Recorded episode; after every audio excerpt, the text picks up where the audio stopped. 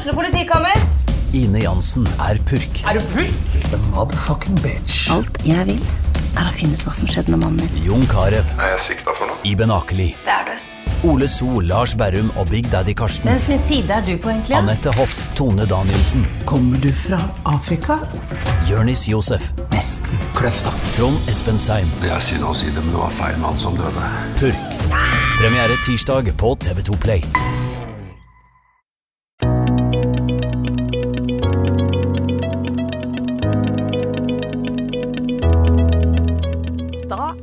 Hyggelig at du hører på Tønsbergs Blad sin podkast. Jeg heter Benedikte og har fått besøk av Terje Gamsum, er det riktig? Stemmer. Ja. Seksjonssjef for kulturarv. Og jeg har forstått det sånn eh, at du har veldig god peil på eh, hva skal jeg si, historien til Slagendalen. Eh, Oseberghaugen, vikingtiden, sånne type ting. Og jeg er jo født og oppvokst i Tønsberg. Men det på en måte jeg kan om Slagendalen, er Oseberghaugen og skipet, og at man liksom lærte tre linjer om det på skolen. Ja. Men jeg har forstått at det er mye mer man burde vite om Slagendalen. Det er mye mer. Eh, og det, med det utgangspunktet du hadde, så starta jeg også den gangen jeg begynte å studere arkeologi. Og så, for da tenkte jeg også, hva er det som gjør at eh, Oseberghaugen ligger der den gjør? Ja.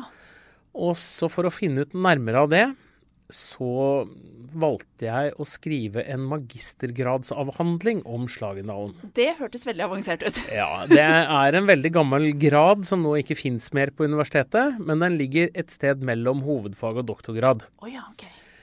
Så det jeg gjorde da, det var at uh, kona mi var ferdig utdanna lærer, og jeg tok med meg magistergradsstudiene, og så flytta vi tilbake til Tønsberg.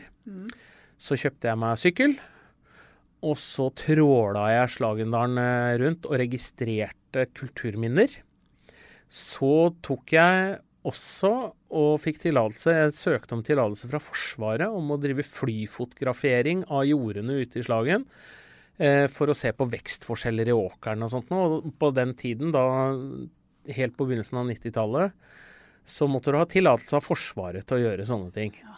Og jeg, i etterkant så syns jeg det er sjokkerende at jeg har betalt flyvninger, eh, Dias film, fremkalling av film, og satt alle disse 1600 bildene i, i rammer og tolka dem, liksom. Det, det gjorde man som student Ja. på studielån. Det er helt vilt, tenker jeg.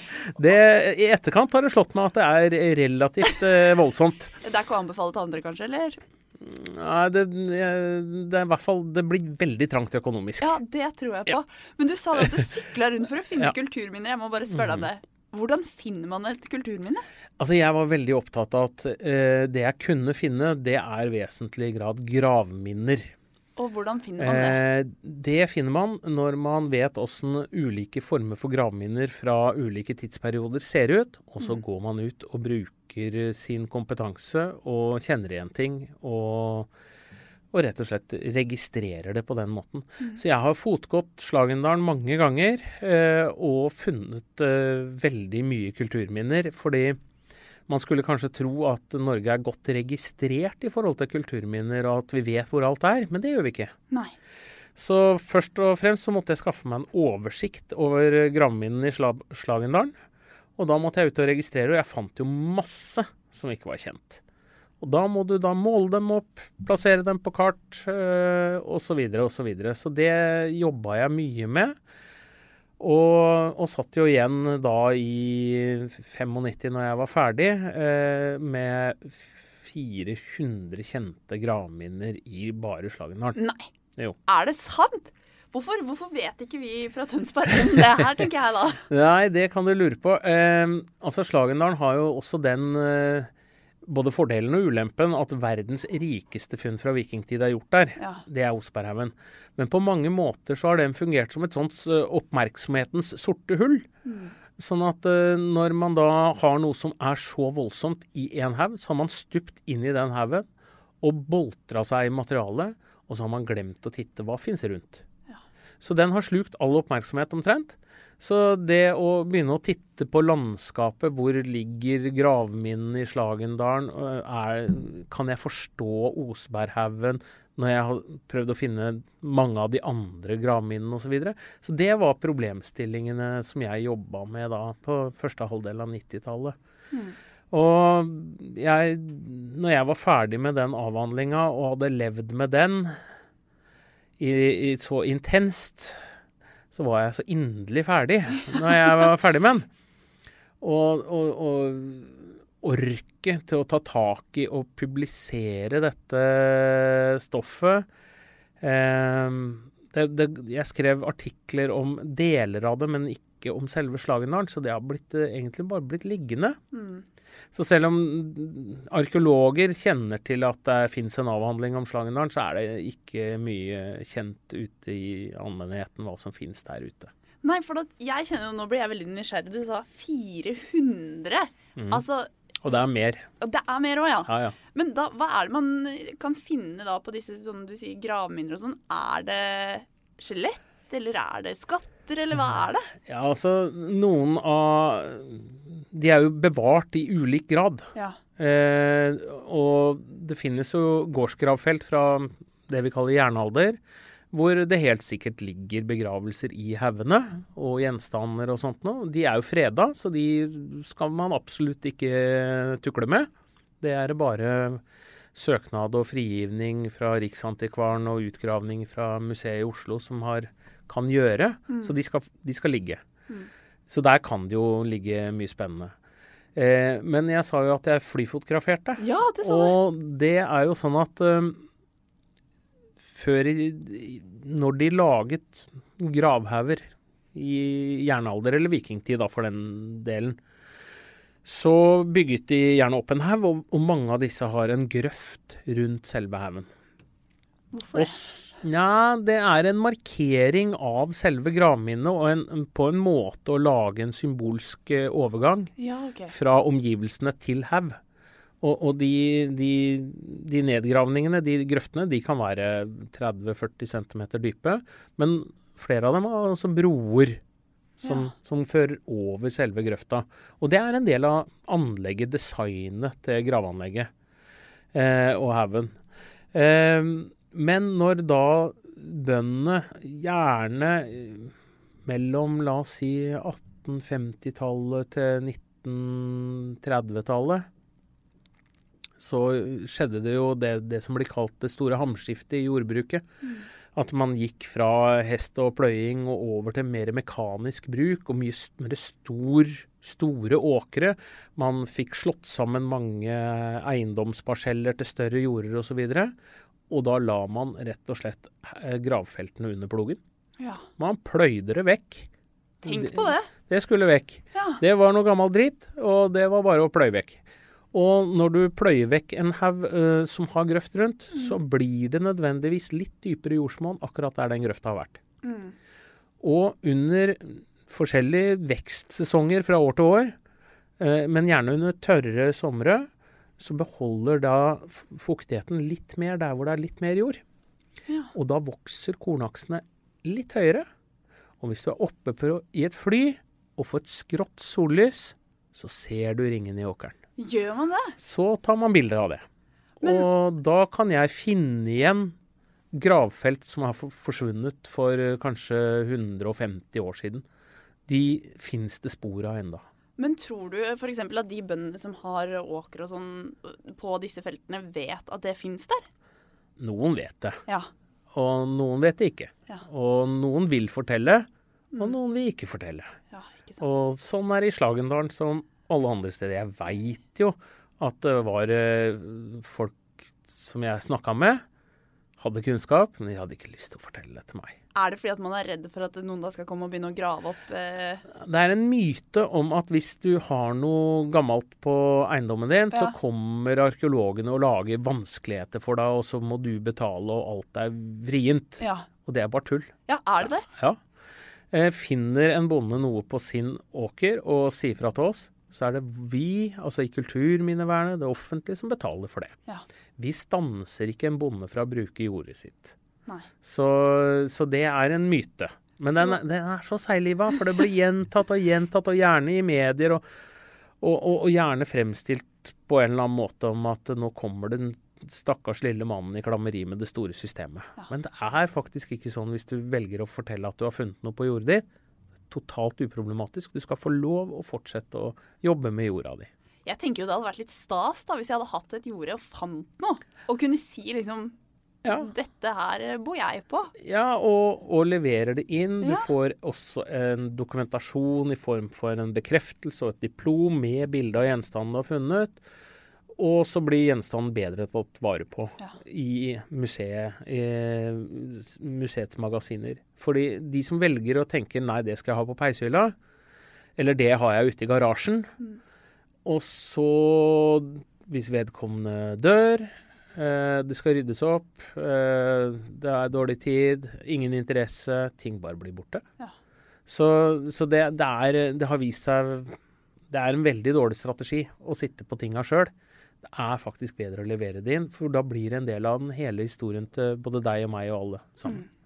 Men jeg tenker, hvis man er i slagnålen, da, er Mm. det sånn at uh, vi vanlige som ikke helt vet hva vi skal se etter, eh, kanskje tråkker litt over noen gravminner og sånn uten Ja. at vi er klar over det? Veldig ofte. Ja. Hvis du drar på sopptur eller uh, et eller annet, uh, går en tur, så er det veldig fort gjort at du har gått forbi fryktelig mye som du ikke ser.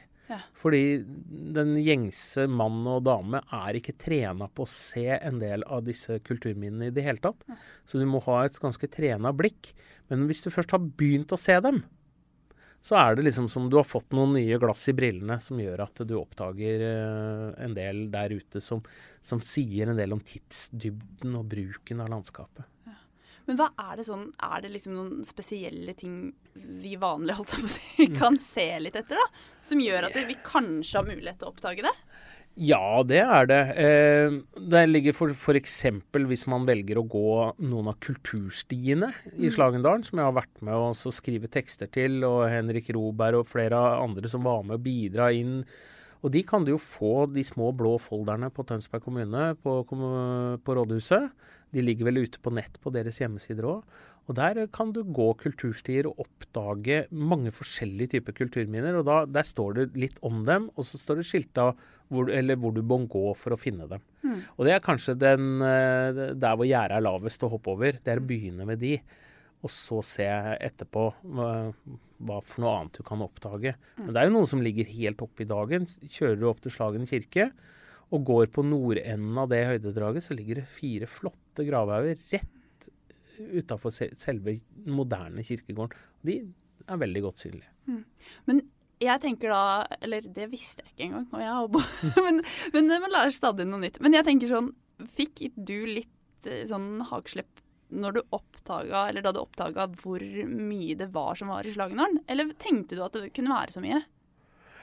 Jeg ble veldig overraska når jeg oppdaga at jeg kom til å finne så mye som jeg fant, altså.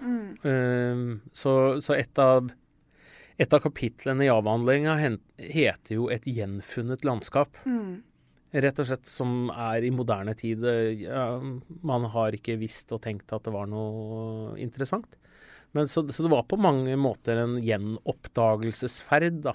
Å finne tilbake til så mye som ingen hadde oversikt over. Og det var kjempeartig.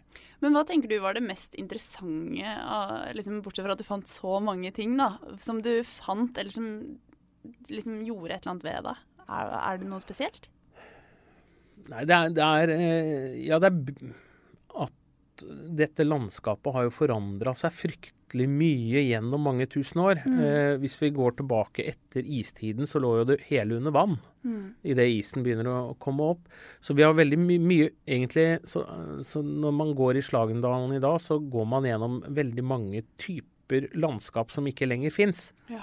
Fra den dagen, eh, fra den tiden hvor, hvor selve dalen var del av fjorden. Den gikk liksom helt vei Fjorden strakk seg helt inn til Rom, eh, og, som er i nordenden av dalen. Og så har du bebyggelse eller bru, bosetning på, på høydedragene i bronsealder og yngre steinalder. Da var det et fjordlandskap. Og så, ettersom eh, egentlig landet stiger, og vannet da blir dytta lenger ut, så blir det etter hvert et jordbrukslandskap i det som var fjorden, men som i dag er dalen.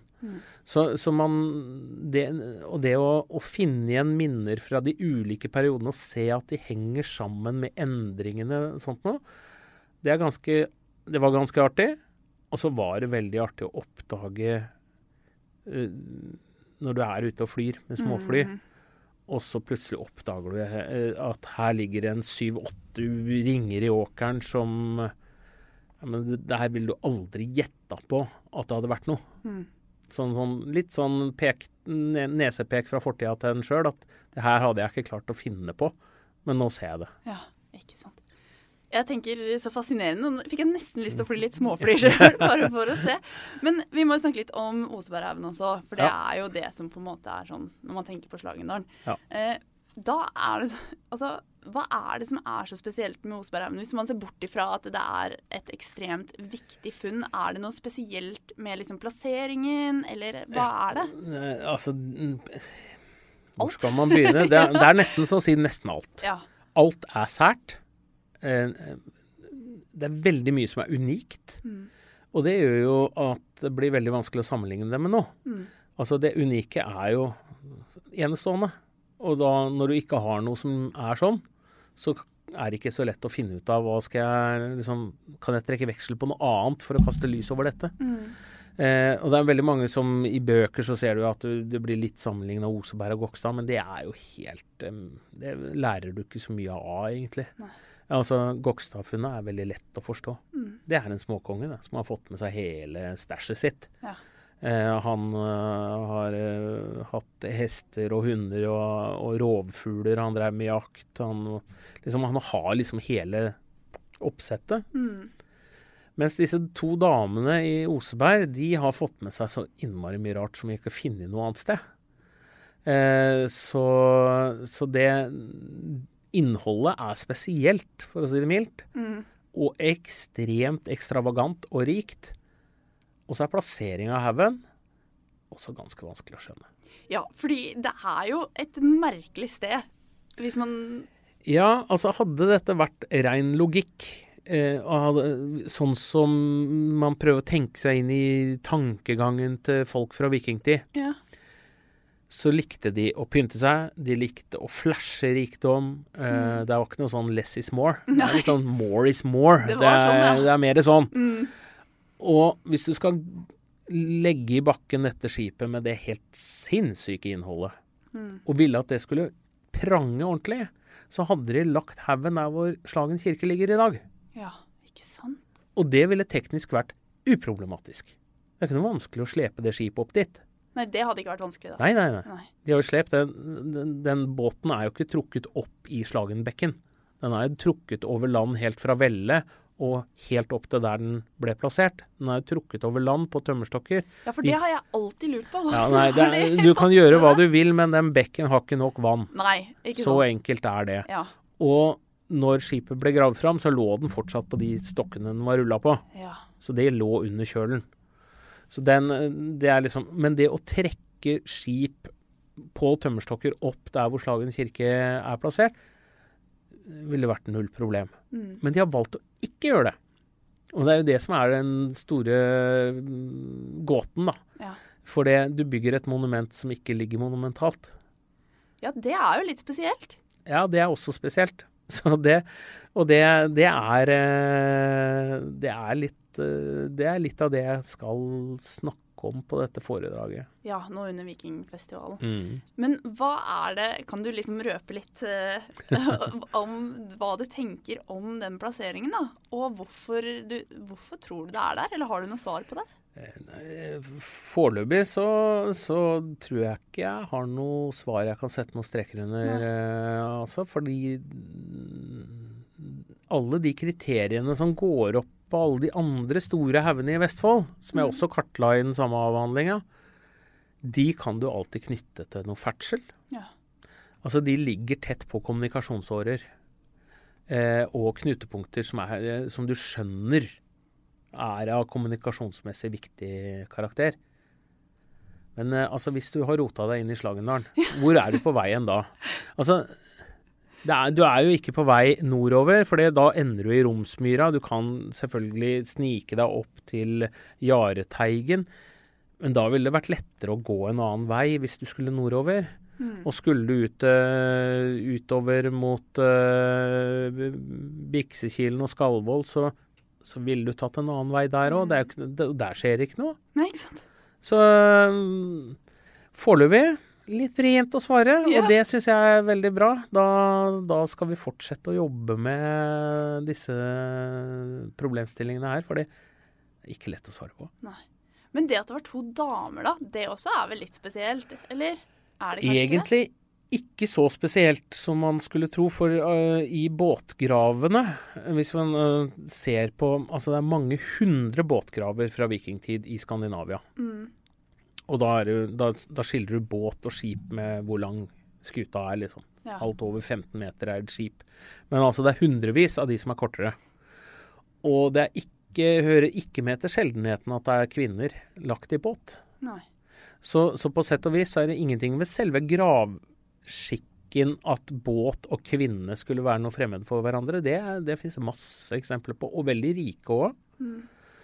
Så, så det, jeg tror mer på at det er uh, historikerne og arkeologenes øh, mannsdominerte forskningshistorie som gjør at man er så sjokkert over at det er damer. Ja, fordi det er det liksom inntrykket jeg har fått, at det, det man liksom husker eller sånn som man lærte da man var, man var barn, var jo at det, Og så var det to damer de fant! Ja. Og det var Det er liksom Men, men hvis man da tenker etter hvem har laget disse historiene som har forplanta seg inn i skoleverket, Ja. og hvis vi går etter de forskerne etter i sømmene, så er dette eldre menn mm, som har sittet og laga dette her. Og sporten på um, ja, del, siste halvdel av 1800-tallet, og ikke minst første halvdel, eller første tiåra på 1900-tallet blant disse eldre mannlige forskerne, var jo å finne ut av hvilken konge lå i hvilken haug. ja, Ja. Og, og med det som bakteppe, så blir damer spesielt. Ja. Men uh, hvis man da ser på massematerialet som er gravd fram og, og dokumentert i Skandinavia, så er det jo egentlig eh, avslører det bare forskernes uh, veldig ubalanserte syn på kjønn. Ja. Og at de tenkte at det var konger som fikk sånne hauger. Og så har de bare kjørt på det. Så da skal vi egentlig ikke være så overraska eller tenke at det er så Nei, eh, det er eh, Det er eh, Det trenger man ikke å være veldig La være den store saken. Det er mer innholdet kanskje, og plasseringen, eller hva tenker du er liksom Bevaringsforholdene som gjør at vi har dette ekstreme ekstremt godt bevarte innholdet, ja. er jo helt fantastisk. At vi kan se på bildevever. Mm. Vi har bevart eh, dyrehodestolper med utskjæringer. Det er en ornamentikk i treverket som, som i nesten alle andre gravanlegg er gått tapt pga. dårlige bevaringsforhold. Mm. Men det at det ble gravd ned i et veldig fuktig og tett miljø, er som å ligge på hermetikk. Ja. Og det er det som gjør at det også er, fremstår så utrolig rikt. Det er fordi at de fleste av de funngruppene som har vært med i andre graver vi kjenner til, de er jo for lengst bare borte. Uh, Råtna opp, borte vekk. Mens Og så er det ett forhold til som er ganske spesielt med Oseberg, og som vi skal være veldig happy for. Det var at det var eh, antagelig Norges desidert eh, beste arkeolog som gravde den ut. Han var jo ikke norsk engang, han Han var svensk. svensk, var han ikke det? Ja, Jo. stemmer det. Og han hadde god trening eh, fra Universitetet i Uppsala. Hadde tatt sine studieår med store mange feltsesonger på Gotland. Hadde lært å dokumentere og bruke millimeterpapir, som, var, som ble første gang introdusert på 18, tidlig 1870-tallet eh, i Uppsala. En som het Hjalmar Stolpe, som han da lærte mye av. Så han hadde gått en god skole. Og han ble konservator i Bergen i 1890. Og da, han er den første som tar med millimeterpapiret inn i norsk arkeologi. Er han det? Og han er også den som forstår å bruke fotografi. Han hadde også en forståelse for, når han sto og gravde i Osebergfunnet, og de så f.eks. på den ene karmen på den ene vogna at den var jo malt, Det var jo knallrød inni i, i, dypt i de utskjæringene, og så hadde de Så, eh, så var eh, all ornamentikken utenpå, det var svart, og så var det pynta med sølvnagler. Tenk deg åssen det glitrer en, en solskinnsdag på vinteren når de er ute og kjører på snø. Men knallrødt. Han skjønte jeg kommer ikke til å klare å konservere farven. Hva gjør jeg da? Da hyrer han inn to akvarellmalere som satt noen uker ute i felt og malte de riktige farvene inn på skisser for å bevare dette som dokumentasjon. Så han gjorde skissebøker, gjorde gode dagbøker. Han dokumenterte den situasjonen ut ifra de forutsetningene som var, på en så fantastisk måte at vi kan tolke funnet igjen og igjen i dag. Så det er mange heldige omstendigheter når det kommer til Osberg, at det er så unikt.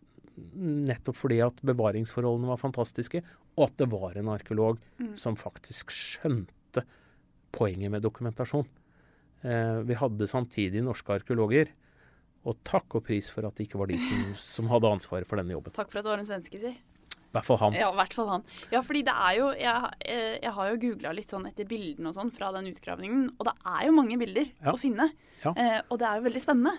Og det er eh, heldigvis da at han hadde forståelse for bruken av fotografi, for det, det kom veldig seint i arkeologien Ja. eh, at eh, de brukte fotografi. Eh, det var en skepsis til at dette var ikke noe ordentlige greier, og var helt unødvendig. Så fotografiet var jo hyppig brukt på 1880-tallet, men eh, han Nikolaisen som gravde Gokstad-funnet, det ble ikke tatt et bilde der nede. Det var at vi har tre bilder fra funnsituasjonen der nede, og det er tatt av eh, journalister for avis Ja, som var bare og besøkte. Og det var det. Ja. Det er spesielt, fordi jeg har jo sett på noen av de bildene som finnes på nett nå fra den Ja. Mm. utgravningen, så er det jo også detaljbilder av ting de har funnet. Ja, og, og masse Og de dagbøkene kombinert med de fotoene er kjempemorsomme. Han, han skriver jo Det var jo en kjempekonfliktsituasjon med grunneier og Gustavsson. Ja, fordi ville ikke grunneier at det skulle graves, eller? Jo da. Han, eh, det var for så vidt han som fant det hele i 1903. Eh, og han Men Og helt på juridisk riktige at han ei, eide funnet. Det var ikke noe sånn at eh, Vi hadde jo ingen lov som regulerte dette i 1903. Nei. Så dette var grunneieren sitt. Så dette var eh, Oskar Rom som eide hele funnet. Men eh, det skar seg litt med han og Gustavsen ganske tidlig, sånn at det ble ganske intens krangling. Og det fins noen morsomme anekdoter i dagbøkene til Gustavsson hvor han som akademiker da raljerer vilt over, eh, over eh, Oskar Rom og broren til Oskar Rom. Var, han var nok en slitsom fyr som, som, som hele tiden småterroriserte og kontrollerte gravingen, at ikke Ja. det stjal noe fra de som rettmessig eide det. Å ja, sånn ja. Ja. ikke sant. Så det, det, jeg kan ta én liten anekdote, da. Det var når han broren til, til, til eieren var der ute og var helt oppsatt på at her hadde de fjernet noe uten å fortelle ham det. Eh, Eller oppgi det på listene sine. Han hadde sett ting i, i jorda og avtrykk, da. Så skriver Gustavsson Jeg lot han holde på en god stund inntil jeg opplyste han om at det var avtrykk av mine gummistøvler. ja, ikke sant. Ja, nei, men jeg skjønner. Det Så- må være veldig slitsomt å jobbe Ja. i sånne forhold. Ja, og det er klart at med de bevaringsforholdene med eh, En av oksene tok de jo prøver av mageinnholdet på. Og det er klart når du ligger en sommerdag og, og tar ut mageinnhold av, Ja. av et dyr som ble slakta for eh, 1150 år siden omtrent, ikke sant, så, Ja. så lukter det godt òg. Ja, men, Eh, og de, de, de, de gravde hest, som fortsatt var en del av eh, pels og annet igjen på. Og det å ligge med rumpa i været, og folk kommer og ser på deg og har betalt for å ligge Så det, det står det litt om at uh, Shetleg, en av de andre arkeologene, syntes det var, var, var ikke noe artig. Nei, det kan jeg skjønne, faktisk. Det kan jeg virkelig skjønne. Men du, jeg lurte på da, du sa jo det at uh, før det kom noe lov på det, så var det jo da grunneier som var Ja. Mm. rettmessig eier. Men hvis man da til, altså, La oss si at noen finner plutselig noe som kan se ut som et vikingskip hos seg, da, på Ja. Hva, Hva gjør man da? ja, hva gjør man da? Ja, nå, har, nå kom det jo en lov i 1905. Det er den første loven det norske Stortinget vedtar. Det er kulturminneloven. Den er vedtatt 7.7.1905. Eh, så nå reguleres sånne forhold. Så finner man nå et sånt eh, skip, så er det statens eiendom. Ja. Så enkelt er det. Ja. Så finner man noe i dag, så skal man melde fra til rette myndighet, og det er fylkeskommunen, så det er vi som skal få kontakt. Og så skal vi eh, rykke ut og se på hva som er funnet, og, og hvordan man skal håndtere det. Og så prøver vi jo selvfølgelig å finne smarte løsninger sammen med eieren. Ja. Eh, vi har ikke noe ønske om å stoppe eieren fra å, å bruke et areal. Så da er det det offentlige som har et ansvar. Hva gjør vi nå? Eh, hvem betaler hva? Eh, eller skal vi bare la det ligge? Ikke sant. Så mm, det er ikke noe farlig å si fra. Nei, det er ikke noe farlig å si. Absolutt ikke farlig. Si heller ifra, si. Ja, det er jo best for alle oss, for det blir en mye morsommere historie vi kan fortelle etterpå. Men da lurer jeg på en ting til nå som jeg har tenkt på mens du satt og prata om eh, denne gravehaugen. Er det sånn eh, at eh, man tror at denne kvinnen bodde i nærheten? Som ble funnet i Det håper jeg snart at vi kunne få lura Kulturhistorisk museum til å svare litt på. Ja. Fordi eh, det skulle tas ut eh, strontiumprøver. Hva vil det si? Eh, det er et grunnstoff eh, som eh, fins i varierende mengde og sammensetning fra, i ulike regioner. Sånn geografiske ja, sånn regioner. Sett, ja. Ja. Og det, eh, det som vokser opp i et område av gress og sånt noe, det har en viss signatur med strontium. Dyra som beiter det gresset, de får den samme signaturen i sine skjeletter. Eh, og mennesker som spiser de dyra eller plantevekster fra samme region, får også den signaturen inn i sine, sin kropp. Og skjeletter som da er bevart, kan man ta strontiumanalyser av og finne ut av hvor har denne organismen levd de siste 15 åra før den døde. Ja. Og det kan vi jo gjøre på disse Oseberg-kvinnene også. Ja. Eh, det var et prosjekt som skulle eh, gjennomføres av Kulturhistorisk museum. Men det er blitt veldig stille der inne, og nå har jo skjelettene vært oppe i tolv år. ja. Så de burde jo snart eh, komme opp med noe. Og det morsomme ville jo også være å ta det på de dyra som er funnet i haugen. Eh, og så kan man se litt på bevegelser. ja, Hvor sant? har de oppholdt seg de 15 siste åra av sitt liv? Så det kunne man faktisk fått litt svar på.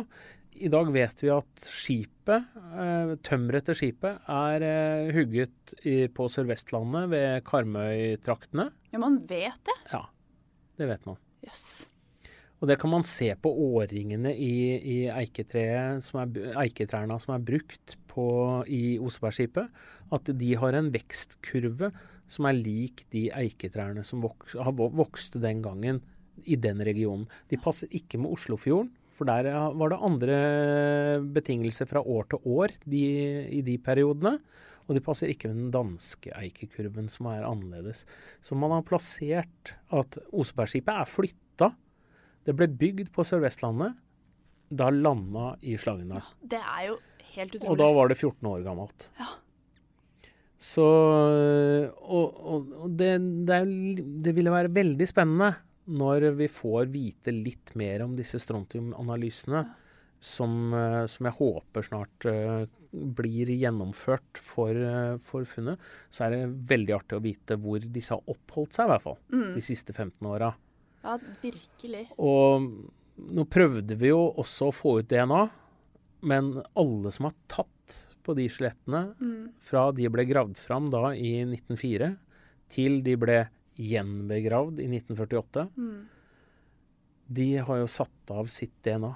Ja. Og det er nesten som å ta på en, noe svampaktige greier, altså, for det tar du på et sånn skjelettdel, så trekker ditt DNA ganske dypt inn. Det gjør det, så man kan Ja. liksom ikke si bore i skjelettet for Vi å bora inn i den ene lårbeinet og tok ut prøver inni beinet. Mm. Og selv de er forurensa med masse DNA. Så vi klarer ikke å identifisere DNA som hører til skjelettet, mot alle de som har tatt på det gjennom tidene. Og så lenge du ikke klarer å få match på de ulike skjelettdelene, for det er en vill blanding av DNA, så har vi ikke klart å knekke de kodene. For det, det kan godt være mor og datter, Ja, ikke sant. men det klarer vi heller ikke å vri ut ennå. Nei, fordi det tenkte jeg litt på da jeg leste historien om det. At fordi den ene kvinnen var jo veldig gammel, Mm. og hun andre var litt eldre, men ikke så gammel. Og så Altså, vi, Var det ikke vi- 80 det var 50 eller noe? Ja. Ja. Så det kan jo være mor og datter, da. ja. Og de er omtrent like høye ut ifra de beregningene som er gjort. Ja. Og de har hatt den samme dietten. Det har vi også funnet ut av at de har jo ikke spist noe maritim føde. Har de ikke? Nei. De har så lave C13-nivåer, det er et annet isotop. Vi daterer jo ved C14-metoden, eh, men det er noe som heter C13, og det, det viser også da kan avsløre om de har en stor del av dietten er basert på maritim føde eller ikke. De har absolutt ikke spist maritimt. Så kanskje de hadde egentlig en kjempegård oppe i Slagnaren, som vi ikke vet om ennå. Ja, vi, vi får se. Nå kjører vi jo geofysikk også. Det er jo det Vi kartlegger dette med georadar, magnetometer. Så vi har kjørt mesteparten av Slagendalen med ett av enten magnetometer eller georadar. Vi begynner jo å få litt idé om eh, litt boplasser. Mm. Eh, men det er mye som gjenstår. Eh, men vi, vi får se om vi kan eh, finne ut av det. Men eh, Det jeg tenker er at du må komme tilbake når du har svar på de prøvene om eh, diett, eller, kost, altså sånn hvor de kommer fra, kanskje. ja. Og hvis dere finner noe mer sånn spennende som ligger i Slagnaren, for der er det mye, skjønner jeg. Der er det mye, så jeg får se da når, når jeg fikk denne forespørselen om jeg ikke kunne snakke om dette, så måtte jeg liksom ned i kjelleren og rote i mine gamle ting. Ja. Og det var jo veldig gøy. Så jeg burde jo Jeg skulle ønske jeg fikk litt bedre tid Ja. til å så sette meg ned og så skrive sammen en del av dette og, og gjøre det tilgjengelig. Ja. Men jeg driver jo og slår sammen et par fylkeskommuner også på kulturarvområdet, så det er, litt travelt om dagen. Litt travelt om dagen, men jeg håper du får tid til det, sånn at eh, barn på skolen i området her eksempel også lærer mer enn det lille jeg lærte da jeg gikk på skolen. For jeg kjenner at jeg kunne snakka veldig mye mer med deg nå. Eh, men jeg tenker vi tar et besøk nummer to en gang når du vet enda mer. Det er bare å si fra, Ja. så kommer jeg. Det skal jeg gjøre. Tusen takk for besøket, dere. Bare hyggelig.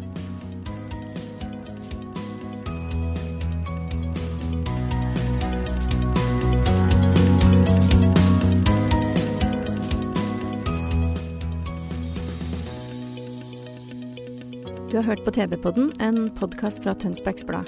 I dag var det Benedicte Hamnes som var programleder.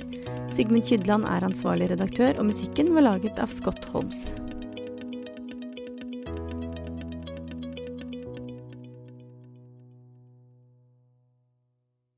Har du et enkeltpersonforetak eller en liten bedrift? Da er du sikkert lei av å høre meg snakke om hvor enkelt det er med kvitteringer og bilag i fiken, så vi eh, gir oss her, vi. Fordi vi liker enkelt. Fiken superenkelt regnskap.